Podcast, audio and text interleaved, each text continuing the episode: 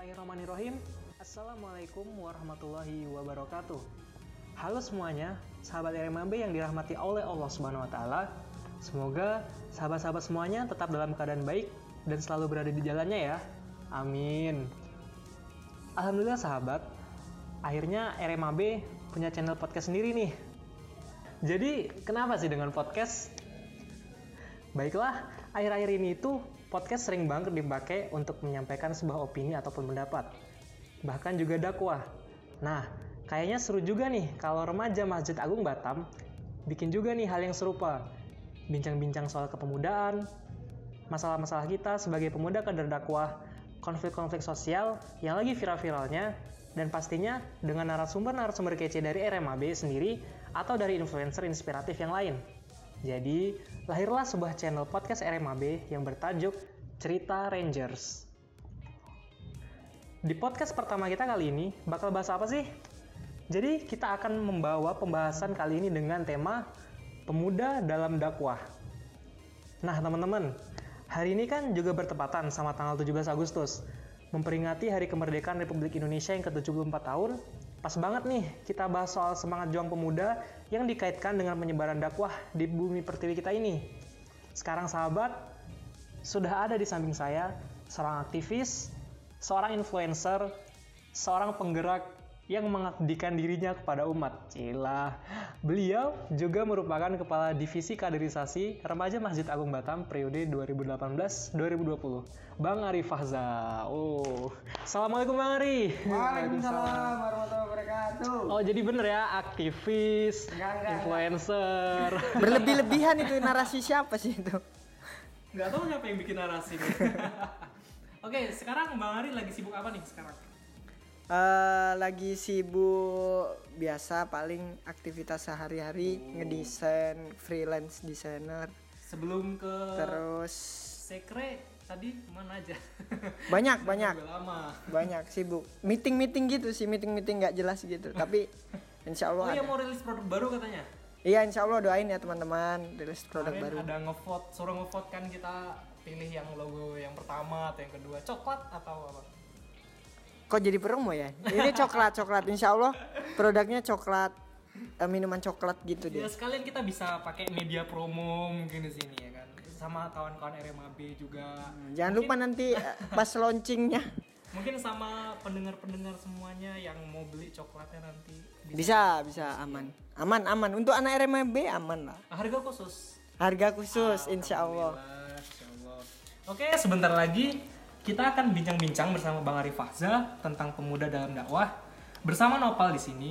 Jadi bersiaplah karena sahabat sedang mendengarkan cerita Rangers.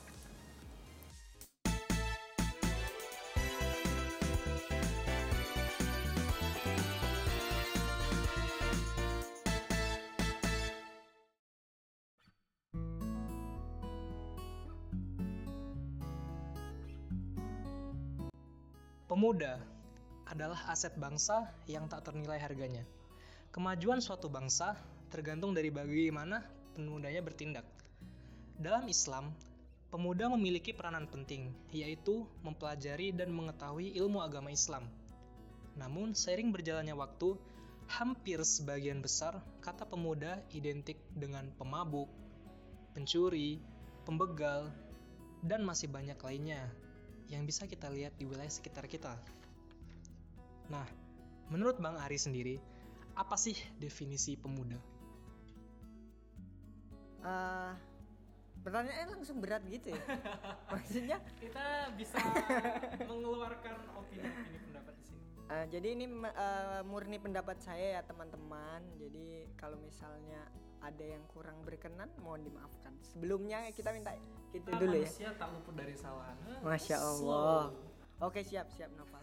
Apa tadi definisi pemuda? Definisi pemuda nih menurut Bang Ari. pemuda itu kreatif, inovatif, energik, beradab, tidak apatis dan peka terhadap sosial. Menurut saya ya, itu. Menurut Bang Ari ya. harus harus harus. Jadi seharusnya sifat-sifat itu harus ada di dalam pemuda. iya, minimal eh, semuanya, minimal semuanya. ya. semuanya. Harusnya semuanya sih yang Pemuda itu harus perfect ya. iya pemuda tuh harus punya ya walaupun tidak sem- apa tidak semua bisa dia kuasai cuman harus punya itu gitu. Menurut saya. Ini murni menurut saya ya teman-teman. Nanti kalau nggak menginspirasi mohon maaf ini kalau nggak menginspirasi banget. Soalnya tokohnya menginspirasi, pasti jawabannya sudah ya. Ini terlalu berlebihan ya teman-teman Oke. lanjut lanjut lanjut Nah, udah mendengarkan nih definisi pemuda dari Bang Ari. Seberapa penting sih kontribusi pemuda dalam berdakwah? Dakwah itu kan menyebarkan syariat Islam kepada banyak orang. Namun banyak pemuda-pemuda sekarang itu sedikit jauh ingin memperdalam pemahaman agamanya. sebenarnya eh, dakwah itu kalau menurut kami kontribusi pemuda untuk dakwah ya Ya. Kontribusi pemuda untuk dakwah itu dimulai dari ruang-ruang keluarga sih sebenarnya. Jadi kalau misalnya apa kontribusi konkret pemuda untuk berdakwah itu sebenarnya pertanyaan itu saya kembalikan ke teman-teman lagi. Yang teman-teman punya itu apa? Misal teman-teman jago menulis, teman-teman bisa edit-edit feed caption gitu sesuai bakatnya. Cuman ya itu kita harus punya basis basis untuk berdakwah ya menyampaikan apa pun itu yang baik gitu. Nggak nggak mesti harus yang punya ilmu yang tinggi tinggi banget yang harus hafal hadis hafal Al-Quran gitu. Ya nggak penting. Kalau maksudnya ya itu penting cuman kalau misalnya teman-teman kan itu bisa berproses ya sambil belajar ya menurut menurut saya. Ah, hadisnya ada tuh kan ya novel ya yang sampaikan walaupun satu ayat. ya, Betul. kan? Ya kalau kita memang udah bisa menyampaikan itu dan kita sudah melakukan, ya silakan sampaikan. Berarti kalau kita belum melakukan tidak boleh untuk berdakwah. Boleh juga, maksudnya kalau selagi itu kita bisa ngelihat itu baik dan itu bisa diterapkan ke teman-teman kita yang mau kita kasih tahu, ya udah kasih kasih aja maksudnya. Ya silahkan gitu. Nah, tapi sesuai dengan apa kemampuan dan bakat kita gitu. Nggak usah sok-sokan maksudnya dirimu eh, misal nih teman-teman ya eh, belum punya ilmu untuk dakwah nih tapi udah berani naik mimbar gitu kan maksudnya ya itu belum Ada kapas- belum kapasitasnya belum situ. iya belum kapasitas. Tapi kalau misalnya teman-teman udah oke dalam editing video misal atau dalam menulis captionnya keren gitu sampai orang yang baca caption itu sampai terharu atau langsung wah ini gua banget gitu iya ya udah silakan sampaikan lewat caption. Setiap orang tuh punya cara masing-masing untuk berdakwah menurut saya itu. Berarti metode dakwah itu variatif ya, enggak? variatif.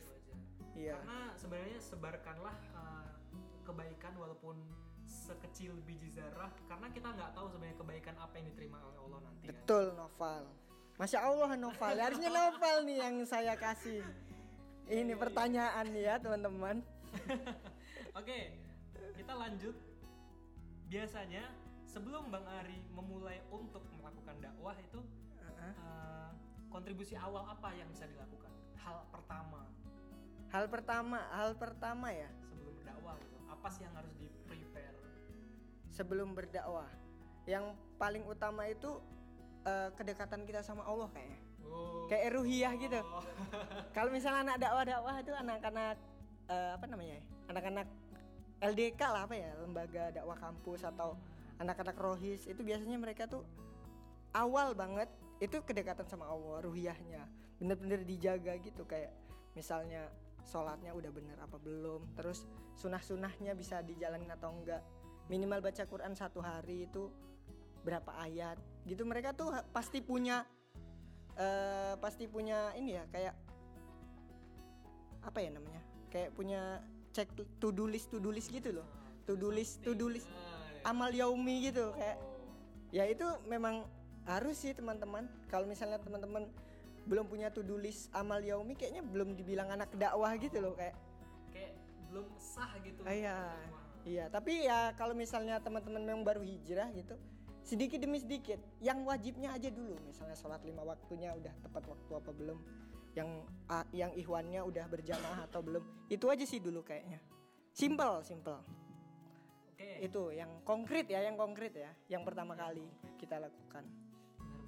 Karena dakwah itu seharusnya dari diri sendiri dulu gitu kan baru. iya betul novel dari dalam diri dulu Gimana sih kiat-kiat Bang Ari gitu untuk semangat dan berdakwah untuk konsisten? Kadang kan mereka sudah terjun dalam dakwah, sudah terjun untuk memperdalam lagi agama agama kita nih agama Islam. Eh, mereka tuh kadang menemui jalan yang berbatu, terus habis itu mereka merasa futur dan akhirnya mereka nggak konsisten lagi untuk berdakwah. Nah, ada nggak sih bang tips gimana sih kita biar bisa selalu eh, semangat dalam berdakwah gitu?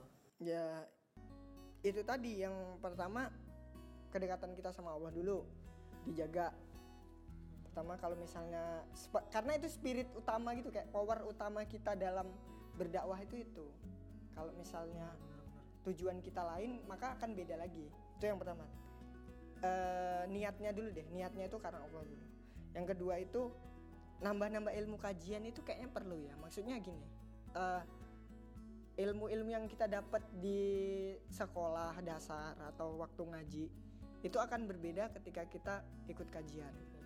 Apalagi kita harus belajar adab juga kan. Adab akhlak apalagi orang yang tidak sama prinsipnya dengan kita walaupun sama-sama muslim ya tapi ya itu memang Beda mempunyai sudut pandang yang beda. mempunyai sudut pandang yang berbeda dan itu ya memang harus kita terima itu setiap orang punya sudut pandang dan kita tidak bisa menyamakan sudut pandang lu sama gua harus sama nggak nggak juga nggak gitu yang eh, yang kedua itu hidup sehat ya Hidup sehat. hidup sehat itu maksudnya kalau kiat-kiat dalam supaya istiqomah dalam dakwah itu hidup sehat itu utama nopal. Gini maksudnya gini eh, ketika teman-teman itu hidup pola hidupnya nggak sehat misalnya setiap ini ya jadwalnya kan setiap weekend nih tapi weekend kadang sakit itu udah langsung mutus gitu loh kayak wah seminggu ini nggak hadir minggu depannya jadi agak males atau apa. Karena sakit itu karena padahal karena sakit kan cuman jadi agak males. Tapi kalau misalnya kita sehat kita makannya teratur segala macam olahraga dan segala macam insya Allah jadi spirit baru gitu. Jadi teman-teman tuh kalau lihat kita yang teman-teman yang lain kalau lihat kita tuh kok anak ini semangat terus setiap weekend ya? Kok hari hari ming sabtu minggu kok kayak bugar gitu?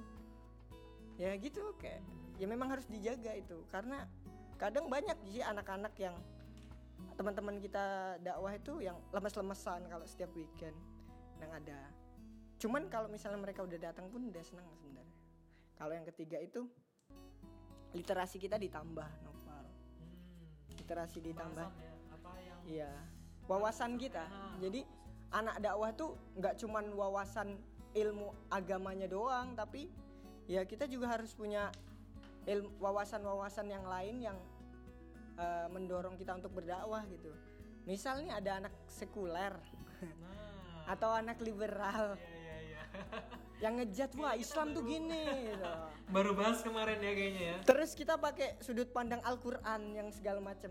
Apakah mereka akan menerima gitu? Nah, mereka tuh susah percaya dalil. Susah mereka percaya dalil. Muslim gitu kan. Kadang Iya. mereka juga tanya Islam ini agama yang paling bener dan itu mereka Iya. tanya berkali-kali dalam pikiran mereka. Padahal Nah. itu udah ada dalil dalam Al-Qur'an dan mereka nggak percayanya gitu. Berpengalaman ya Nopal ini sepertinya. Kayaknya kemarin kita baru bahas lah. Iya, makanya itu kan kita ketika kita wawasannya ada, kita akan bisa eh, lihat dari sudut pandang yang berbeda. Kita nggak cuman dari Al-Qur'an dan hadis, cuman dari ilmu-ilmu yang lain kan. Seperti itu Nopal. Nah kira-kira kalau misalnya Bang Ari nih punya kawan yang seperti itu gitu, sekuler, terus uh, mereka padahal Muslim gitu, terus tidak uh, apa, tidak langsung menerima dakwah kita itu, pendapat menurut abang gimana? Eh, dakwah itu hidayah yang susah untuk kita ini ya maksudnya dakwah apa dakwah apa hidayah itu itu kan datangnya dari Allah. Kita kan nyampein doang kan? Nyampein doang. Jadi nggak nggak nggak mesti harus diterima ya. Kalau saya jadi orang yang punya teman seperti itu saya senyumin aja sih Nopal maksudnya senyumin tuh kayak ya udah sih lu nggak percaya ya udah nggak nggak masalah. Kan kita juga beda. Cuman kita tetap harus menyampaikan. Apa pun itu apa pun yang menyakitkan kalau kita pengen di kes- apa di surga bareng sama dia Masya Allah. ya kita harus sampaikan. Gitu. Karena hidayah apalagi teman-teman kita kan itu kan semua teman-teman kita. Tetap dirangkul ya Bang? tetap dirangkul dong. Udah mm, 14 menit ya lama Oh, iya ya. Belum nanti editnya ya. Nanti ya, Di. Terus nih, feedback yang pernah Bang Ari rasain pas berdakwah gitu minimal untuk diri Bang Ari sendiri atau keluarga sama lingkungan abang Hmm, yang pertama dakwah Oke, yang pertama eh, aku mau ceritain dulu feedback feedback yang negatif. Maksudnya feedback yang ke akunya itu Hmm. jadi kurang gitu maksudnya. Yang pertama itu kayak kecewa gitu sih Topal. Kalau feedback ke kitanya itu kitanya yang jadi kecewa gitu. Misal nih, misal kita ngada ini ngadain kajian, terus ngadain pokoknya yang Islami-islami gitu lah. Ah, iya. Terus kita ekspektasinya yang datang banyak. Terus tiba-tiba pas hari H yang datang Sering nih di dikit. rumah Beni kita udah uh, bikin poster ini nih ada info Ini, kajian, iya, info kajian, segala Bener. habis itu akhirnya nggak sesuai ekspektasi. Nggak sesuai Yang ekspektasi. Iya. Kadang bertanya-tanya juga ini panitianya yang salah, Publikasinya publikasinya yang kurang, tapi ada gitu. Atau Mereka nggak niat. mereka yang nggak mau datang. Apa yang kurang menarik gitu ya? Itu menjadi PR kita bersama. Itu kayak kita tuh harus bisa manage kekecewaan itu gitu. Ketika kita punya ekspektasi tinggi terus nggak sesuai harapan kan jatuhnya kecewa. gitu. Balik lagi ke jangan berharap sama manusia gitu kan. Nah, itu yang paling. Iya itu yang paling penting. Berharaplah hanya pada Allah SWT. Masya Allah Nopal ini inspi- inspiratif ya Nopal ya. Ini kok jadi hostnya yang inspiratif ya? Enggak ini kadang ngalir gitu. Oh ngalir aja. Sama belajar. Masya Allah siap siap. Masya Allah. Eh belum belum. Belum ya? Kan tadi feedback yang negatif ya. Kalau feed- feedback positifnya itu mau ceritain nih teman-teman dulu waktu saya masih awal-awal dakwah gitu. Maksudnya awal-awal dakwah ya. Awal-awal masuk organisasi gitu. Masuk RMAB khususnya. Khusus- khususnya RMAB khususnya RMAB terus lagi senang-senangnya lagi hype-hype-nya temen ketemu teman-teman baru gitu kayak Sabtu Minggu itu weekend kita itu habis untuk RMAB padahal sebenarnya teman-teman impact yang diberikan dalam dakwah itu itu sebenarnya di keluarga gitu Noval. Maksudnya harusnya tuh yang dapat impact. Misalnya kita ini masuk ke organisasi dakwah yang dapat tuh harusnya keluarga yang orang yang terdekat-dekat gitu loh kayak oh anak ini kok jadi berubah gitu. Maksudnya Rajin. jadi rajin. Terus kalau misalnya weekend nih kita nggak ada waktu buat keluarga jatuhnya kayak keluarga tuh ini ngapain sih anak ini? Kok main terus? kok main terus? Padahal tua kan dakwah. kita keluar, iya gitu. tahunya kita kita tahunya kita keluar. Nah sebenarnya setidaknya kita tuh punya jadwal gitu untuk memang bener-bener quality time sama keluarga. Jadi mereka tuh bisa merasakan dampak dari dakwah kita. Teman-teman kita juga gitu. Jadi itu impact feedback eh, apa ya namanya feedback yang positif sih menurut aku. Jadi orang-orang sekitar kita bisa merasakan Apa yang kita pelajari? Apa yang bisa kita pelajari. bawa ke lingkungan. ke lingkungan. Itu yang paling penting. Apalagi keluarga orang tua yang paling penting jadi kalau misalnya ada anak-anak ada anak remaja masjid nih terus dia izin gitu.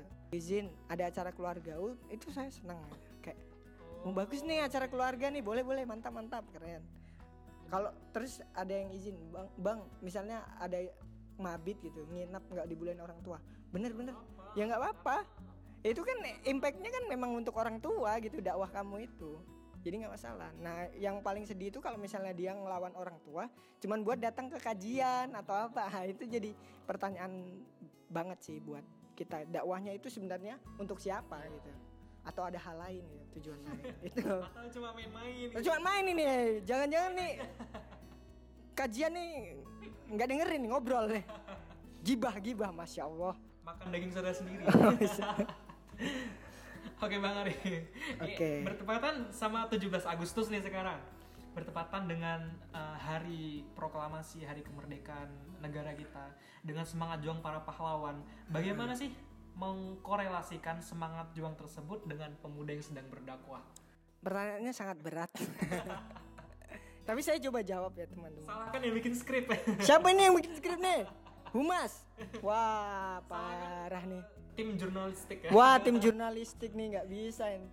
Harusnya bukan saya nih yang pertama. Ini ini Nopal Nopal saya mau tanya dulu ya Nopal. Ini kan uh, pertama kali podcast Rangers kan? Apa sih namanya? Cerita Ranger. cerita Rangers ya. Cerita Rangers. Takutnya nanti kalau misalnya ini feedbacknya nggak banyak gitu. Apa maksudnya?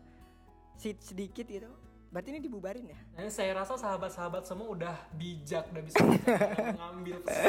oh gitu ya Iya. enggak biasanya orang pertama itu bakal jadi apa kayak Kayak acuan. acuan gitu misalnya ini wah ini buruk nih harus diperbaiki Diganti, nah. harus diganti nih Gimana caranya narasumbernya diganti atau Iya. yang lebih berkompeten? yang lebih berkompeten enggak maksudnya nanti yang keduanya pasti harusnya lebih baik dari ini ya Yes, ma. Ya ini kalau pertama biasanya kan kayak iya jadi kayak aku atau gimana. Ah, tapi memang ini ini yang jadi sebenarnya yang jadi narasumbernya hostnya ya saya yang jadi Oh gitu. VJ-nya ini oke jawab ya Nopal ya Iya, Pak. korelasi dari semangat eh korelasi dari pemuda dan dakwah sebenarnya eh, bertepatan dengan 17 Agustus ini sebenarnya deket banget sih teman-teman kalau teman-teman baca sejarah eh dulu tuh pelajaran IPS sejarah-sejarah gitu ya dulu ada pembentukan si BPUPKI sama PPKI betul nggak Iya. yang untuk menentukan dasar dasar negara. dasar negara. Nah, kalau kita lihat nama-nama yang ada di situ itu sebenarnya pemuda-pemuda dakwah semua kayak Muhammad Yamin, Dr. Spomo segala macam. Nah, terus eh tertingginya itu, maksudnya puncak-puncak gagasan itu, puncak gagasannya itu eh, terjadi pada Piagam Jakarta atau Jakarta Jakarta Charter, Ah, Jakarta Charter. yang bunyinya apa yang pasal satunya? Silakan. dengan berkewajiban Menjalankan syariat Islam. pemeluknya. Nah, itu sebenarnya siapa yang buat itu? Kalau bukan gagasan dari anak-anak dakwah itu siapa? Gak mungkin kan orang yang nggak paham agama terus mengajukan dasar Pancasila. Terus dan kenapa itu waktu piagam Jakarta disetujui gitu? Sebelum yang eh, teman-teman kita dari timur itu memberikan Iya, memberikan apa saran sih? ya. saran, seharusnya karena kita semua beragama ti- tidak cuma Islam gitu. Nah, seperti itu. Nah, itu sebenarnya jadi jadi ini ya, jadi pecutan buat kita hari ini ya. Maksudnya waktu itu aja dakwah itu bisa sampai ke ideologi negara loh, teman-teman. Masuk ke dasar negara, hampir menjadi dasar negara. Nah, kalau sekarang ya apa yang kita bisa lakukan gitu maksudnya. Jadi korelasinya sebenarnya dekat. Dekat. Kitanya aja yang jauh gitu aja sebenarnya dan banyak yang apatis teman-teman kita yang lain tuh kayak misalnya ngapain sih agama ikut-ikutan politik gitu segala Bawa macam sama politik terus agama kan nggak bisa gitu. Nggak bisa padahal dijauh. padahal tidak tidak seperti itu juga tapi setidaknya kita tahu tentang politik.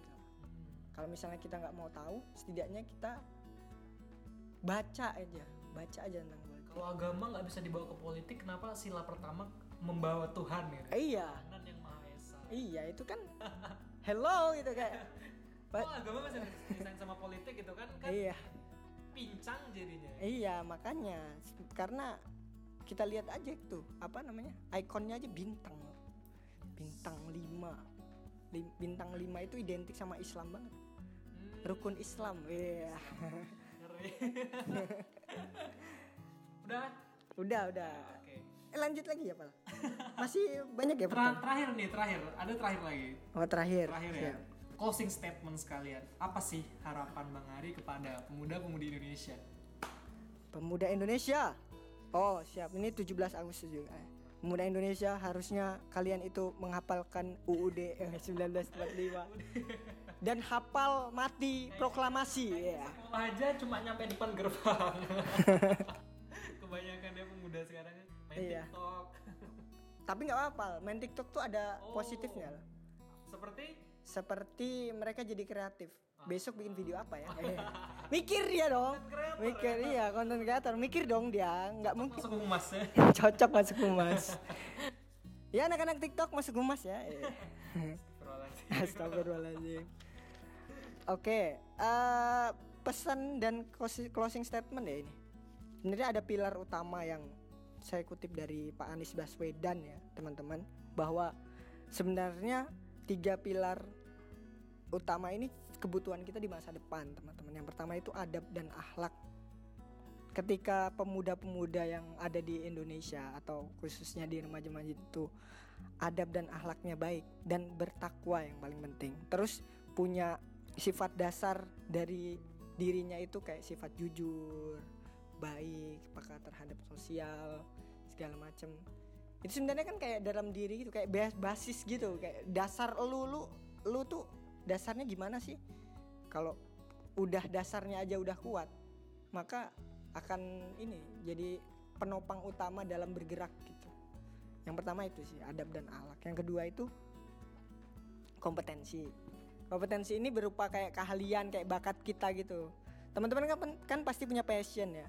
Ada yang di keuangan ada yang di eh, teknik terus ya terserah sih mau di mana. Ada yang di seni segala macam ya proyeksikan itu untuk berdakwah kreatif teman-teman. Jadi harapannya sih pemuda-pemuda pemuda-pemuda khususnya anak-anak remaja masjid yaitu punya kompetensi juga selain adab dan akhlaknya yang terakhir ini yang paling eh, apa ya namanya kayak urgent banget sih. Karena kita belum punya banget nih anak-anak yang kayak gini. Literasinya baik. Literasi baik itu suka membaca. Suka membacanya itu dalam bentuk yang berbeda ya.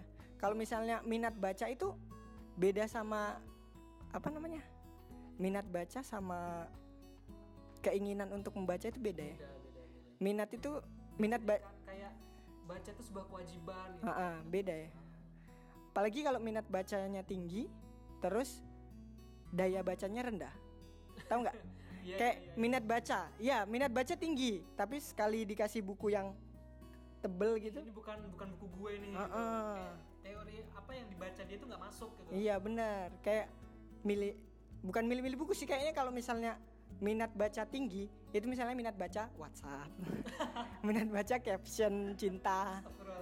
Itu tinggi kayak kayak kita ini milenial nih ya.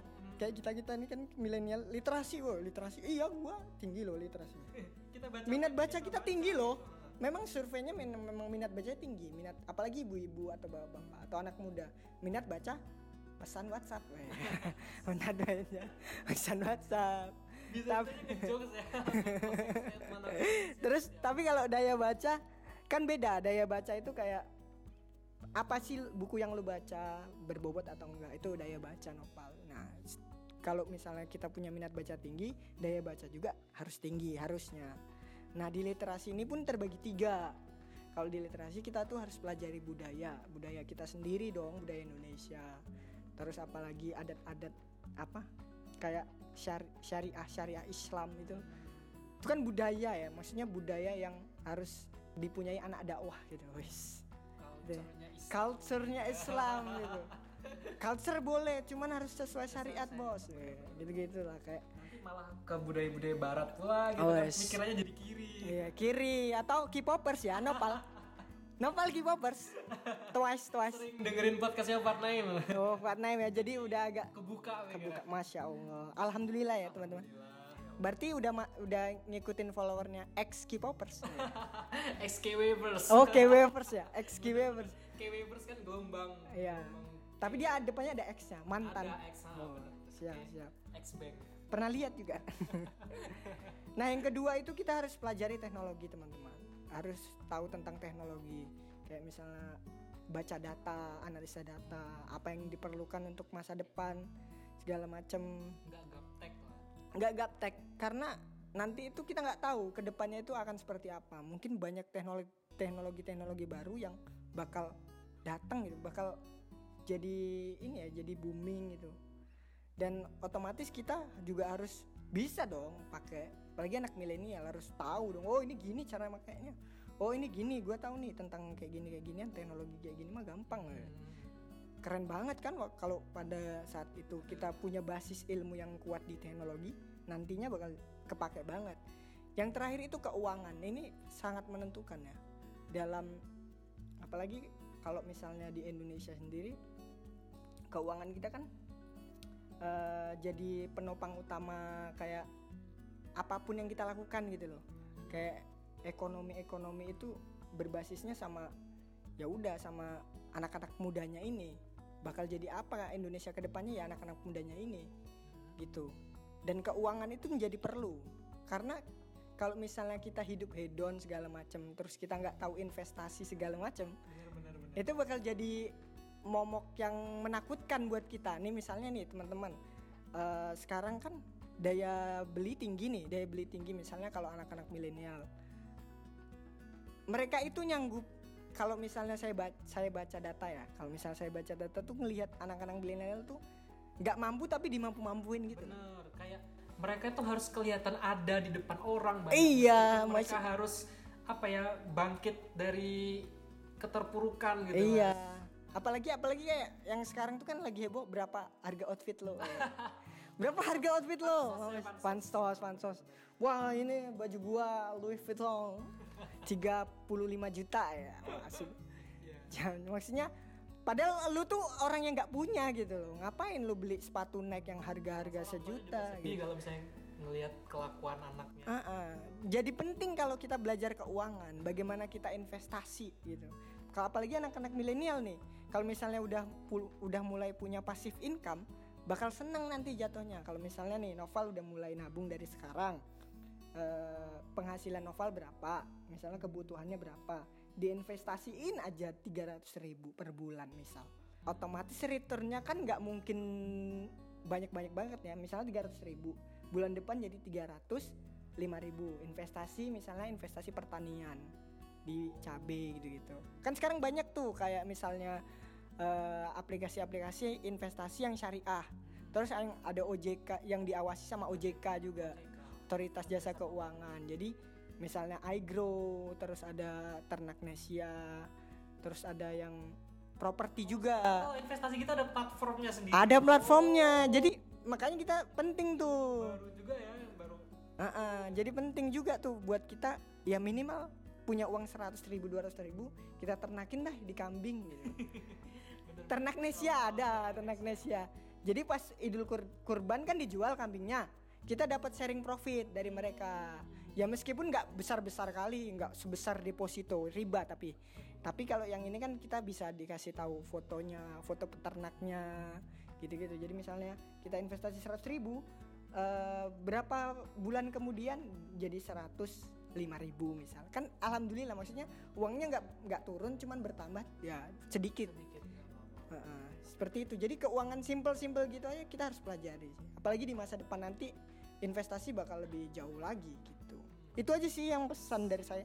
Ada tiga pilar utama. Bener berfungsi untuk gimana caranya pemuda harus belajar ya. Iya gitu. Mungkin itu sih novel Masya Allah. Apalagi pak udah habis ya? Menginspirasi sekali bukan? Mohon maaf kalau tidak menginspirasi teman-teman. Ya jangan ditutup dulu ya novelnya belum closing belum belum closing nih oke baiklah eh, jazakallah khairan kepada Bang Ari Fahza atas wa jazakallah khairan nopal Semoga jawaban-jawaban yang Bang Ari tadi kembangkan bisa kembali memotivasi pemuda-pemuda yang sedang berjuang di jalan Allah Subhanahu wa taala. masya Allah Amin ya rabbal alamin. Baiklah terima kasih kepada sahabat-sahabat yang telah meluangkan waktunya untuk mendengarkan bualan-bualan kami tadi. Semoga dapat menginspirasi, membuka cakrawala, karena ini cerita Rangers. Sampai jumpa di podcast selanjutnya dan wassalamualaikum warahmatullahi wabarakatuh. Waalaikumsalam